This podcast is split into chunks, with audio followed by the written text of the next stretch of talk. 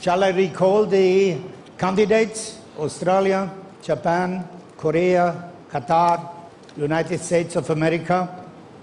The winner to organize the 2022 FIFA World Cup is Qatar.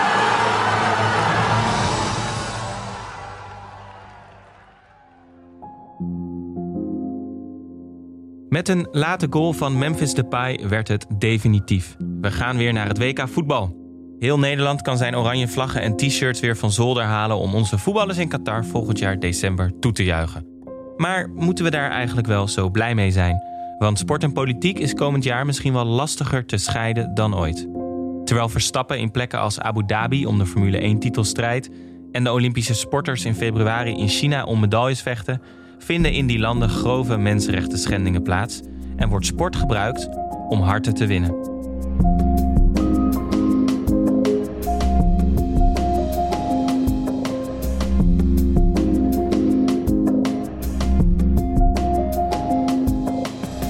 Welkom bij de podcast Wereldmachten. Mijn naam is Tim Wagemakers, ik ben journalist en neem je elke week mee in het geopolitieke spel achter het nieuws. Vandaag bespreken we sport als geopolitiek instrument of wapen. Van sportswashing en sportdiplomatie via de Formule 1 en Olympische Spelen naar het WK Qatar volgend jaar. Straks spreken we Midden-Oosten-journalist Caroline Roelands van NRC over de geopolitiek rond het WK in Qatar. Maar eerst beginnen we natuurlijk met mijn vaste co-host Hans Klis. Fijn dat je er bent, welkom. Ja, dankjewel. Ben jij een beetje een sportliefhebber? Uh, nee, helemaal niet. helemaal nee, niet sorry. zelfs. dus je bent een beetje uit je comfortzone vandaag. Ja, ik moest vanochtend uh, dus de Champions League uitslag even opzoeken of Ajax wel gewonnen had. Want ik weet dat jij van Ajax bent.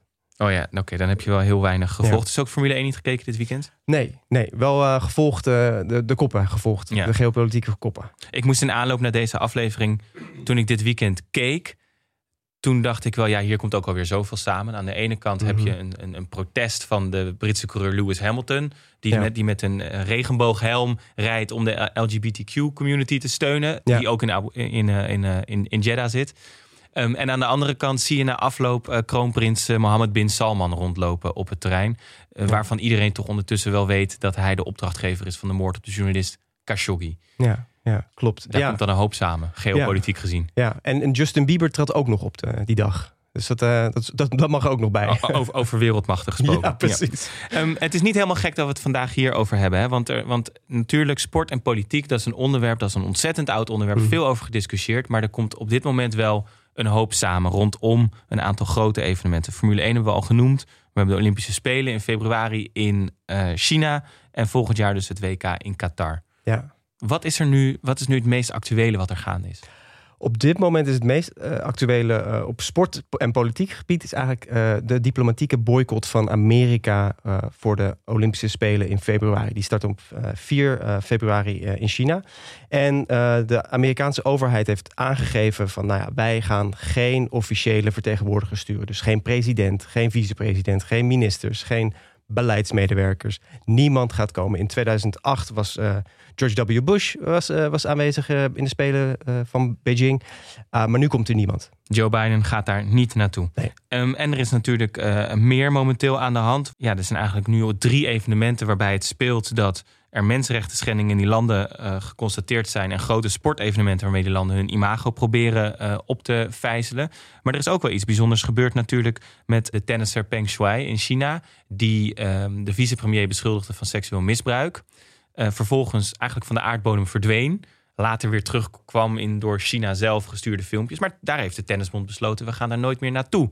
Dus, dus er worden ook grenzen getrokken. Ja, dit is een hele grote, uh, hele grote zet van de Women's Tennis Association. We hadden uh, twee jaar eerder hadden, uh, hadden we een, een twitterende manager van de Houston Rockets, van de NBA. Van de, Basketbal. De, die betuigde op Twitter zijn steun voor de activisten in Hongkong. En toen moest de NBA op het matje komen van China. En toen heeft de NBA is echt door de knieën gegaan en gezegd: sorry. Dat wij iets hebben gezegd over Hongkong. Ja, we zijn wel voor de vrijheid van meningsuiting van onze atleten. Maar in de Chinese verklaring zeiden ze, gingen ze echt wel door de knieën van sorry als we mensen hebben gekwetst. En dit gaat niet meer gebeuren eigenlijk. Ja. En dat, ja, omdat er zulke grote economische belangen spelen in China. Ja, dus eigenlijk is uh, money makes the world go round. Dat is toch altijd wel het belangrijkste geweest... wat uiteindelijk rond uh, sportevenementen en boycotts... uiteindelijk ging zij bijna altijd door. Of is er in het verleden ook wel eens... Kijk, wat die diplomatieke boycott toch even... Ik zit daar dan naar te luisteren en dan denk ik... ja, Oké, Amerika gaat daar niet naartoe. Maar ondertussen, die sporters, hmm. ze proberen toch die medaillespiegel uh, op te vijzelen. Want de sporters hebben er zo hard voor getraind. En op het moment dat we daar naar kijken, gaan we toch weer juichen voor een zwemmer die een fantastische. Nou, winterspelen geen zwemmen dan misschien. Maar voor een bobslayer die een fantastische prestatie doet. Dus, dus ja, wat, heeft, wat, wat hebben dit soort diplomatieke boycotts nou voor effect? Nou, het is vooral natuurlijk symboliek. Hè? Het is een hele grote stap als, uh, als, als een andere supermacht zegt: ik doe niet mee. Of op, of op, dit, op deze manier, wij sturen onze hoogste vertegenwoordigers niet.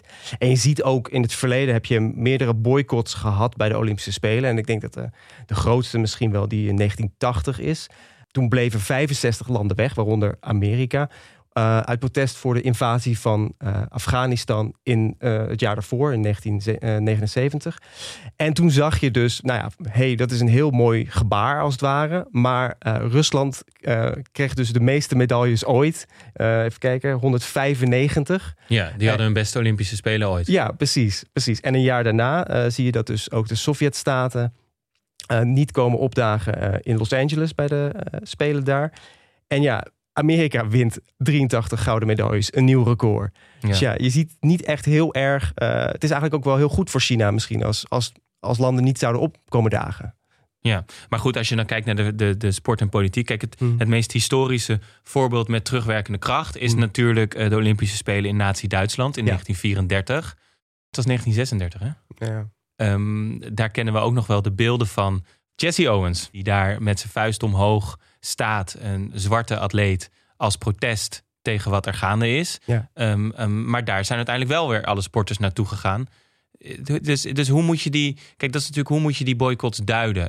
Hoe moet je dat op wereldschaal zien? We deden een plas, we deden een was, alles bleef zoals het was. Of, of, of hebben die echt ook invloed, verder dan symboliek?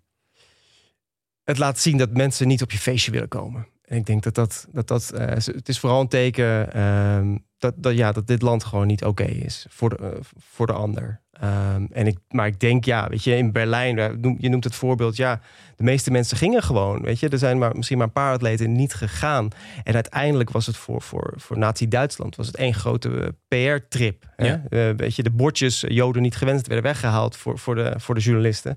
En toen ze weer weg waren, toen stonden ze er weer. Uh, maar toen was het ook gewoon heel duidelijk natuurlijk dat er gewoon hele erge dingen gebeurden daar. Maar ik denk uiteindelijk voor, voor, voor Nazi-Duitsland was het een heel goed uh, PR, PR-stuntje. En ik denk ook voor China ook in deze. Ook al komt Amerika niet opdagen, weet je, het maakt niet zo heel erg uit. Want China zit nu ook in die coronabubbel. Je komt sowieso bijna niet naar binnen. De enige toeschouwers zijn mensen in China. Ja. Volgens mij zijn bijna alle grote sponsoren of Chinees of Aziatisch. Ja. Dus uh, ze hebben zich eigenlijk heel erg afgezonderd in, in, rond die spelen in Beijing. Want ja, uiteindelijk hebben ze alles onder controle voor binnenlandse consumptie. Weet je, er, komt geen onrust, want er zijn geen, zijn geen buitenlandse uh, toeristen, uh, toeschouwers. dus eigenlijk maken zij zich helemaal niet zo'n zorgen richting februari. Nee, maar het is voor hen op het wereldtoneel wel een afgang. Want uh, China wil, ziet zichzelf als supermacht, is het ook, maar wil ook zo behandeld worden. En die, die ziet zichzelf ook heel, als heel groot en belangrijk. En dit is voor China, waar dat imago, die schijn heel belangrijk is uh, in de politiek.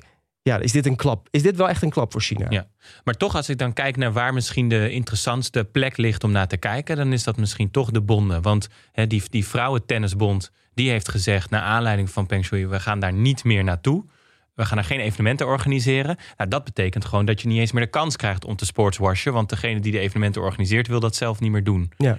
Ja. Um, de mannen, de wedstrijden van de mannen uh, zijn trouwens niet afgezegd nog, hè? Dus dat is nog wel een heel erg uh, vuig teken, denk ik, aan de wand. Maar daar bedoel je mee, in het mannentennis wordt meer geld verdiend, dus daar zal het minder makkelijk zijn? Ik denk, dus, ik denk dat de WTA, de, de Women's Tennis Association, wel een kostenafweging heeft gemaakt van kunnen wij dit maken? Kunnen wij wel onze rekeningen betalen en dit doen? En ik denk dat, uh, dat, er, dat het grote signaal zou zijn richting China als ook die mannentennissers niet meer zouden komen opdagen. Ja. Maar dat kost denk ik te veel geld. Hoe, uh, hoe, hoe staat het IOC erin, het, het organiserend comité van de Olympische Spelen? Nou ja, de IOC die, die, nou, die zegt heel erg uh, stille diplomatie te, te bedrijven. Uh, een, de, volgens mij heeft de voorzitter contact gehad met die vermiste tennisspeler eind november volgens mij. Maar de, ja, de IOC wil, die zegt heel erg van ja, weet je wat, we zijn niet politiek. En we hebben vriendschap en respect door sport. Hè? Weet je, dat is ons adagio. Um, en ja, eigenlijk zeggen we niet zo heel veel. We, ja, we, laten we, we, proberen, we praten erover in de achterkamertjes. Uh, maar we zijn niet politiek eigenlijk. Maar is in die zin ook, want ik zat ook te denken, heel veel van die toezeggingen, en we gaan er straks met Caroline nog wat verder op in van hoe dat rond Qatar ging, die zijn natuurlijk bijna 12, 13 jaar geleden gedaan. Er is mhm. ontzettend veel veranderd, technologisch ook, van hoeveel informatie er naar buiten komt over mensenrechten schendingen in landen. Is het niet ook zo dat de realiteit misschien een beetje veranderd is. Dat, hè, want nou ja, Sepp Blatter, de oude voorzitter van de FIFA, die zei vlak voor Qatar toen: uh, de, onze wereld is rijk aan natuurlijke schoonheid en culturele diversiteit, maar ook een wereld waarin gevochten wordt om basisrechten van de mens. Het is voor de FIFA een grote verantwoordelijkheid om de wereld samen te brengen, met voetbal als symbool van hoop en integratie. Nou, dat zijn teksten die de IOC ook al jaren uh, zegt, maar het wordt natuurlijk steeds moeilijker om dat vol te houden. Ja, ja. En, en dat is natuurlijk altijd het argument geweest: sport is een soort vrijplaats waar politiek niet binnenkomt. En het brengt mensen samen, het verbroedert. Ja, maar politiek, ik bedoel, sport is natuurlijk altijd politiek geweest. Ik bedoel, politiek bepaalt wie er een bepaalde sport mag beoefenen. Hè? Weet je, uh, die LGBTQ-helm, dat maakt toch sport politiek. Het is nooit los te zien.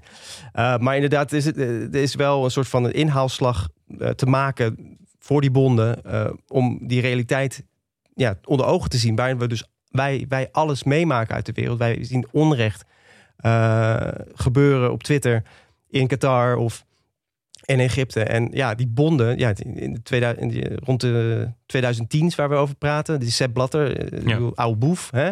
Ja. Uh, de, Qatar uh, heeft door, door eigenlijk uh, omkoping die WK-bid ge gewonnen. En Rusland wordt ook vermoed volgens mij dat het het geval is. Ja, de, de, die bonden hebben, moeten schoon, schoon schip maken. En inderdaad onder ogen zien dat we in een tijdperk leven waar alles te zien is, waar activisme loont, ook commercieel. Waarom, waarom zien we ook al die bedrijven uh, meedoen met dit soort activisme, met Black Lives Matter, uh, in de zaak van de Oeigoeren. Je ziet allemaal meegaan. En die bonden moeten aan die ja, realiteit gaan aanpassen. En je ziet dat dat moeilijk is, dat ze dat ook moeilijk vinden. En landen moeten dat ook gaan doen, want in, in, in deze hele uh, diplomatieke boycott die nu deze week op gang is gekomen, wat doet Nederland daarin? Gaan wij wel onze minister sturen? Uh, nou, dat moeten we nog maar zien. Uh, gisteren stond uh, onze minister van Buitenlandse Zaken, Ben Knapen, in de Tweede Kamer. Die was vragen aan het beantwoorden over het feit of Nederland zich gaat voegen bij het Amerikaanse boycott. Nou, het antwoord was nee, dat weten we nog niet. Of daar willen we nog geen beslissing over maken. En ik heb toen met mijn Haagse bronnen even overlegd van hoe zit dat nou? En ja, het komt er eigenlijk op neer van Nederland wil, ja, die wil geen voortrekker zijn. Wil, wil niet voorop lopen. Die wil gewoon uh, ja, is overleggen met de Europese Unie, uh, met de partners, want samen sta je sterker. We willen eigenlijk uh, in gesprek blijven met China. Dus wie weet wat we gaan doen of, wat voor, ja, of we wel mensen gaan sturen of niet. In die grote boycott van 1980, mm -hmm. waar al die 65 landen niet meegingen. Nederland was er alleen niet bij bij de openingsceremonie. Nederland houdt niet zo heel erg van ja, moeilijk doen. Ja. en dus we, we, gaan denk ik nog zien wat, wat, wat de Nederlandse regering gaat besluiten. Maar we gaan het denk ik niet doen zonder Europa. Ja. ja. Laten we gaan kijken hoe het zit met Qatar en wat dat in de regio doet. Want ook daar, hè, die toezegging was 2009, 2010. We zijn mhm. ondertussen 12 jaar verder. Uh, duidelijk voorbeeld van via sport, het WK, proberen uh, je land positieve PR te geven. We gaan kijken of dat gelukt is en wat dat doet in de regio. En daar gaan we over praten met uh, geopolitiek expert en Midden-Oosten expert van NRC, Carolien Roelands.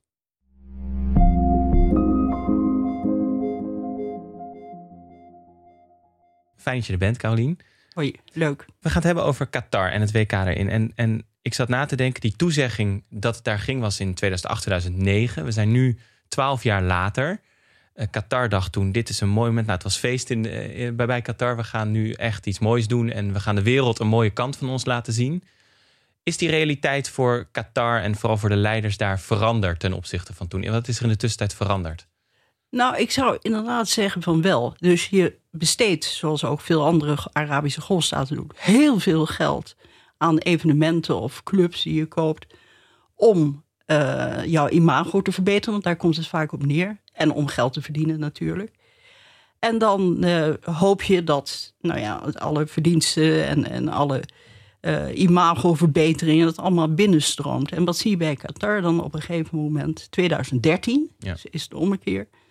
Eerst Amnesty International en vervolgens The Guardian. Die zeggen en schrijven dat, het, uh, dat die stadions daar worden, voor het voetbal worden gebouwd uh, op bloed eigenlijk. Hè? Dat de, de arbeiders, de bouwvakkers, allemaal gastarbeiders, dat het de moderne slaven zijn.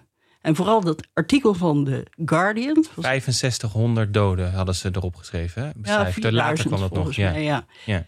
Dat is een moderne slavernij. Uh, dat had enorme impact. dus je hebt dat artikel van The Guardian, eerst dus Amnesty, dan gaat iedereen eroverheen. Andere kranten, vakbonden, Nederlandse vakbonden herinner ik me ook, uh, die alsmaar vertellen hoe slecht het is in, in Qatar. dat slaven die voetbalstadions bouwen. Nou, en dan wordt het een, ik zal niet zeggen nachtmerrie, want dat is veel te, ook weer veel te zwaar gezet. Maar dan, dan, dan, dat is het begin van een stroom slecht nieuws voor Qatar. Dus je koopt iets heel moois en je krijgt een bak vol kritiek over je uitgestort. Dus het was niet zo'n slimme zet eigenlijk van Qatar? Nou, uiteindelijk. Hè, dus dan moet je kijken als dat uh, kampioenschap is geweest volgend jaar. En uh, kosten baten afwegen. Nou, in ieder geval niet zoveel baten als ze hadden verwacht. want het gaat door en ze voelen zich gedwongen om die slaven, die moderne slaven, om die uh, te helpen. Om, om ze beter te betalen, om ze uit hun slavernij te halen. En je ziet een serie maatregelen die ze nemen. Het systeem van de horigheid, kafala-systeem, wordt min of meer afgeschaft. Nou, dat is dan niet genoeg. Hè dan krijg je dat. Je denkt, nou ben ik er. En dan gaan ze nog een beetje afschaffen. En dan is nog steeds niet genoeg. komt Human Rights Watch eroverheen. En uh, zo blijft het maar gaan. En uh, nou, inmiddels is heel veel van die horigheid afgeschaft. Uh, met name bouwvakkers, Nepalezen en, ja. en, en Indiërs en Bengalen. Die mogen weg aan het eind. Die mogen ook van baan veranderen. Hè? Dus er is meer vrijheid. Maar het is nooit genoeg voor de buitenwereld voor de kritische buitenwereld. Vorig jaar is ook het minimumloon is verhoogd opeens. Dus, um, maar het blijft niet goed, hè, want je blijft maar kritiek horen over dat kampioenschap. Er wordt gezegd van, zouden al die voetballanden wel moeten gaan? Hè? Moet Nederland gaan naar het voetbalkampioenschap? Nou, iedereen gaat gewoon, want dat is. Uh, ja, dat is een beetje de, de, historische lijn die je ziet uiteindelijk. Daarom zeg ik ook, je moet pas volgend jaar zien wat de kostenbatenanalyse is. Maar het is, het is toch wel heel veel slecht nieuws voor Qatar geweest. Ja. En levert het nog wat op straks? Ik bedoel, voor wie doen ze dit eigenlijk? Doen ze dit voor, voor, de, voor de eigen inwoners of doen ze het voor de regio? Want, eh, nou, ze doen het voor zichzelf natuurlijk. Hè? En, en hun eigen imago en om geld te verdienen. Uh, investeringen. Qatar verdient verschrikkelijk veel geld aan voetbal ook. Hè? Paris Saint-Germain is uh, ook van Qatar. 2012, meen ik, is dat uh, gekocht. Nou, dat levert een enorme hoeveelheid geld op. Ze hebben daar net Messi uh, aangetrokken. Ja, ja, ja. Nou, ik zag daar gisteren een artikel over hoeveel geld dat weer oplevert. Kost wat, maar het mag ook wat kosten, maar het levert ook een hoop geld op. Maar is de realiteit, want, want Um, dat, dat zie je natuurlijk in Engeland, hè, waar, waar sportclubs worden overgenomen door de golfstaat. Je ziet op allerlei plekken in de sport dat dat geld stroomt uh, om invloed te hebben. Tegelijkertijd is er ook een beweging, maar misschien maak ik die veel groter dan er is, van activisme. Van, we hadden het over Lewis Hamilton met een regenbooghelm als Formule 1-coureur. er komt ook meer druk op uh, bedrijven om ethisch, uh, maatschappelijk verantwoord te ondernemen. Ja, maar dat scheelt per land, per golfstaat, uh, om even tot de golf te beperken. Dus Qatar heeft heel veel kritiek gekregen, maar is ook heel rijk en heeft heel weinig inwoners, dus kan wat hebben. Bahrein hoor je veel minder over. Dat is ook helemaal fout. En, en politiestaat en zo. Toch ook Formule 1 races. Ik schrijf braaf een column over. En, inclusief Max Verstappen. Nou, het kan niemand wat schelen. Maar je ziet nu Saoedi-Arabië, um, ook een, een, land, een heel dubbel land, hè, met die kroonprins die aan de ene kant sociaal-cultureel het land aanzienlijk, in aanzienlijke mate opengooit. Niet helemaal natuurlijk. Tegelijkertijd aan de andere kant politiek er een politiestaat van maakt. Inclusief moord op een dissident of kritische journalist, Khashoggi. Nou, dan zie je ook nou, dat sportworsing, hè, ze besteden, en, en, en kunstworsing ook, hè, dus ze besteden miljarden aan, aan sport. Uh, de Formule 1 net met Verstappen, dat was, het kon niet beter, zou ik maar zeggen. Uh, Newcastle, de voetbalclub, gekocht. Um, uh, ze hebben gekocht Spaanse eindcompetitie, voetbal. Die, ja. ze hebben gekocht golf voor de komende tien jaar, geloof ik. Die Formule 1 autoraces ook de komende tien jaar. Maar, uh, dus dat, dat moet opleveren dat je imago beter is. Dus dat uh, buitenlandse investeerders die ze hard nodig hebben, hè, die, die willen ze hebben. En toeristen die ze ook hard nodig hebben voor de diversificering van de economie. Hè. Je wil af van olie, je wil andere inkomsten. Maar je hebt je, hebt je zo misdragen, zie Khashoggi, zie de oorlog in Jemen, uh, dat het een hele lastige affaire wordt. Dus gaat dat, gaat dat lukken? Voor Qatar, zou ik zeggen, is het makkelijker. Uh, omdat, ja, ook misdragen en slavernij en wat. Maar je bent een veel kleiner landje, een paar honderdduizend echte inwoners en veel rijker dan Saudi-Arabië. Dat, uh, waar, waar buitenlandse investeerders ook zo belangrijk zijn, maar waar ook de misdragingen zo groot zijn. dus dan uh, ga je je afvragen, gaat dat, gaat dat helemaal lukken daar in Saudi-Arabië? Ik denk van wel. ja, want het, wij, wij, wij worstelen ook met de vraag van, als we dan niet zouden gaan, wat, wat zou dat überhaupt uitmaken hè, voor zo'n land, voor, voor ons ook? Um, nou, voor ons niet zoveel natuurlijk. Nou, voor, voor het land zelf, om toch even te beperken tot Saudi-Arabië, die hebben die investeerders nodig. Die zitten als een gek te concurreren met Dubai bijvoorbeeld. Ze willen al die bedrijven uit Dubai willen ze in Riyadh hebben. Maar dan moeten die bedrijven wel willen komen hè, met uh, al, die, uh, al die mensenrechten kwesties en die boze beschuldiging van politiestaat en, en, en dergelijke. Um, en is dat zo? Hè? Gaan die ook, uh, die ondernemingen nou echt komen? Ja, een belangrijk deel gaat wel komen. Want net zo goed als iedereen naar die Formule 1 race naar Verstappen zit te kijken. Mm -hmm. En wat kan het schelen, die mensenrechten? Hè? Ja, dat heb ik ook eens geschreven zo. Um, voor, voor heel veel ondernemers en, en uh, mensen telt het gewoon niet. Maar, dat... maar, hoe, maar hoe kun je dan rond zo'n WK in Qatar en, en je bent journalist, dus, dus, dus, dus ik hoef niet jouw activistische tactiek, zeg maar. Nee, precies. Maar, maar, maar als journalist toch, waar zit dan de, um, het, het punt om op te drukken? En dan bedoel ik richting de toekomst. Als ik je zo hoor, dan is de kans vrij groot dat Qatar in 2060, hè, die stadions zijn toch al gebouwd, waarschijnlijk Olympische wel, Spelen. Ja, Olympische Spelen ja, bijvoorbeeld. Nou, eerder dan. Al eerder dan ja. uh, krijgt. Um, maar toch, hè, op het moment dat ik lees dan nu dit. Ik hou van sport. Dan komt het WK in Qatar. Dan lees ik alle verslagen. Memphis Depay maakt 20 doelpunten. We halen de halve finale. Ja. In, in de Nederlandse sportpers zal op dat moment, want dat is wat ze doen, verslag doen van sport, ja. de euforie worden opgepompt. En dan is het een schitterend WK geweest. Ja, en dan heb je enerzijds, anderzijds een schitterend WK en je hebt een paar zure columns daarnaast. Ja. Je hebt het wel. Je schrijft erover. En toch zou ik zeggen, levert het dit in die zin wat om. Qatar heeft het, de moderne slaven heeft het wat opgeleverd. Het is nog steeds niet goed dat werken in, in voor, voor uh, gastarbeiders in Saudi-Arabië uh, of in Qatar. Mhm. Mm -hmm. Zeker niet. Maar het is wel een stuk beter geworden. Nou, kijk dan naar Saudi-Arabië. Dat is echt een politiestaat. Hè? Het is wel hartstikke lollig dat DJ Chesto en Justin Bieber er optreden. En, maar aan de andere kant, je gewoon geen woord van kritiek hebben op dat. Uh, uh, je zou je kunnen voorstellen dat dit gaat zo door. Uh, dat toch die kroonprins zich iets zal moeten inhouden. Hè? Niet dat het een liberale democratie wordt, in tegendeel. Maar toch nog een Khashoggi, dat, dat lijkt niet. Ze willen uit die oorlog in Jemen, ook omdat het veel te veel geld kost en niks oplevert. Maar ze willen er wel uit.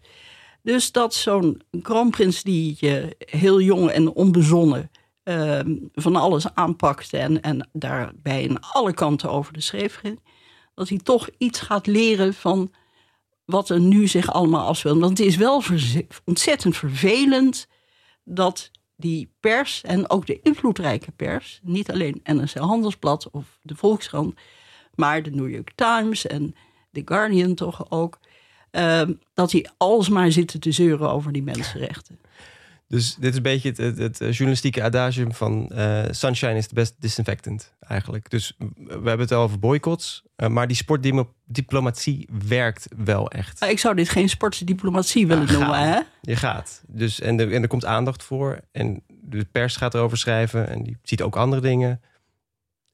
Ja, ik ik vind sportdiplomatie een hele andere zaak. Want dan kom je uit bij Amerika en China en de pingpongdiplomatie. Dus dat je sport gebruikt om Om toenadering, relatie open te breken. relatie Ja. op normalisering, Ja. worstelen van Amerikaanse worstelaars naar Iran. Dat was heel erg leuk. Ja, dat zegt mij wat, maar Ehm, eh, dat, dat zie ik meer als sportdiplomatie. Dit is ehm, de media. Wij zijn geen, geen diplomaten uiteindelijk. Dus als je erover schrijft, bedrijf je geen diplomatie. Het is, eh, je geeft de, hoop ik, de werkelijkheid weer zoals die is en de analyse erbij. En dat is, eh, en dat is heel belangrijk. Ja, maar als je nu dan toch nog één keer kijkt richting Qatar, volgend jaar is het WK, dan, ehm, ehm, dan, is, dan gaan we daar naartoe en dan komt nu de discussie op gang. Ik las ook iemand die zei, en ik, ik hoef niet eh, dat je je uitspreekt voor of tegen een boycott, maar die zei ja, we moeten toch wel gaan, want als we niet gaan, dan is de kans ook groot dat die arbeidsomstandigheden, dat mensen niet worden uitbetaald, omdat er ook Hè, ze moeten ook verdienen om überhaupt de kosten terug te kunnen betalen. En dan komt er toch ook weer in die hele politieke discussie rond mensenrechten, komt er ook weer gewoon een economisch argument in. Het heeft ontzettend veel geld gekost. En dan word je, ja, dat voelt bijna als chantage. Je moet wel gaan, want anders dan is het voor hun ook niet mogelijk om misschien uit te betalen of om. Of is dat te, te cynisch? Eh, dat, dat gaat weer een. eh, nou, kijk, die hele kwestie van sportwashing is economisch ook. Hè? Eh, dat gaat niet alleen maar over je. Of, of, het, het gaat om je imago, maar je wil een goed imago om geld binnen te halen. Ja. Dat, daar gaat het om. Dat is de ene kant. De andere kant waar we het nu over hebben gehad, is dat ehm, eh, er ook een kant aan zit die je helemaal niet zocht, die Qatar en Saudi-Arabië helemaal niet zoeken. Namelijk dat er ook een, een, een vloed van kritiek loskomt op, eh, eh, op zo'n land. Ehm, maar, en ik vind dat een hele moeilijke vraag eigenlijk. Die, Ja. die je stelt over dat je moet gaan om eh, die, die gastarbeiders uitbetaald. Da- daar zou ik geen seconde over denken, want dit soort landen is zo rijk. Ja. Daar komt eh, wat, wat een beetje geld van, van die mensen die er naartoe Dat gaan. is een vals argument. Dat, dat doet er helemaal niet toe. Dan gaan we hem afronden. Eh, Veel dank. Graag gedaan. Caroline. Leuk onderwerp.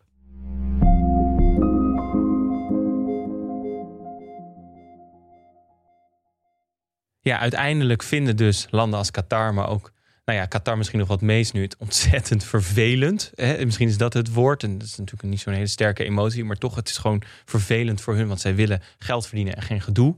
Als dit soort dingen aan het licht komen. Maar nou ja, Caroline die denkt wel aardig zien dat het toch belangrijk is. Hè? Bijvoorbeeld die FIFA-official die vast had gezeten in Qatar, waar dan de Guardian en de NRC was eigenlijk eerst hè, grote verhalen over, Ja. over bracht. En wat het komende jaar misschien nog wel vaker gemeld zou worden, dat soort verhalen. Nou ja, ik, ik wil zijn naam nog ook nog even noemen. Abdullah Ibais. eh, die ook eh, op dit moment in hongerstaking is. Eh, hij is in he- hechtenis genomen omdat hij... hij is voor corruptie veroordeeld, maar hij heeft inderdaad verhalen van migranten aan de groot, ja, eigenlijk bekendgemaakt. En daar is hij nu voor opgepakt. En dat is ook een verhaal wat nog steeds loopt, Ja. inderdaad. Tegelijkertijd blijven wij nog steeds hangen van uiteindelijk komt het toch ook neer. Kijk, we zitten met de gevolgen van toezeggingen. En dan hebben we het even over niet over de Formule 1, al liggen die contracten ook voor tien jaar vast dan. Maar eh, eh, als je het over Olympische Spelen of WK hebt, heb je het over toezeggingen die 10, 15 jaar eerder gedaan worden. Denk je dat daar iets in gaat veranderen in die, in die, in die procedure, in die toezeggingen? Want de FIFA zit hier toch ook niet op te wachten. Nee, en de FIFA is, heeft natuurlijk schandaal na schandaal gehad. eh, schandaal na schandaal gehad. Eh, na die, eigenlijk deze toewijzingen van naar Rusland en, en, en Qatar. En er zijn officials voor, voor aangeklaagd, eh, afgetreden. eh, en er zijn, dat, dat is volgens mij een transparanter proces geworden. En je ziet ook bij de KNVB dat er, dat er veel meer mensenrechten krijgen wel een rol nu in die toewijzing van die, van die WK's. Maar ja, weet je, eh, dat, dat is nu. Hè? Weet je, hoe, hoe zien we dat, dat over tien jaar? Als we met, met landen als Saoedi-Arabië of Bahrein of de Verenigde Arabische Emiraten, weet je, misschien telt dan geld nog steeds. Nou ja, Caroline Roelands hintte er al op hè, dat de Olympische Spelen in Qatar misschien helemaal niet zo'n onwaarschijnlijk scenario zijn over ja. 10, 20 jaar. Ja, precies. Ehm, en, en het is natuurlijk ook zo dat elk land kan stemmen, bijvoorbeeld bij de toewijzing van het WK. Dus dat dat ook nog belangrijk is, ja, wij kunnen van alles vinden. Maar als. uh, hè, eh, de, nou ja, dat is toch rond Qatar. De envelopjes gingen onder de deuren in de hotels richting vertegenwoordigers van landen. Dus dat ze dus dan ook uit moeten bannen alsnog. En misschien doen ze dat nu met vaccins. Hè? Verkopen, ze, verkopen ze die stemmen alvast met, uh, met vaccindiplomatie, waar we het eerder over hadden.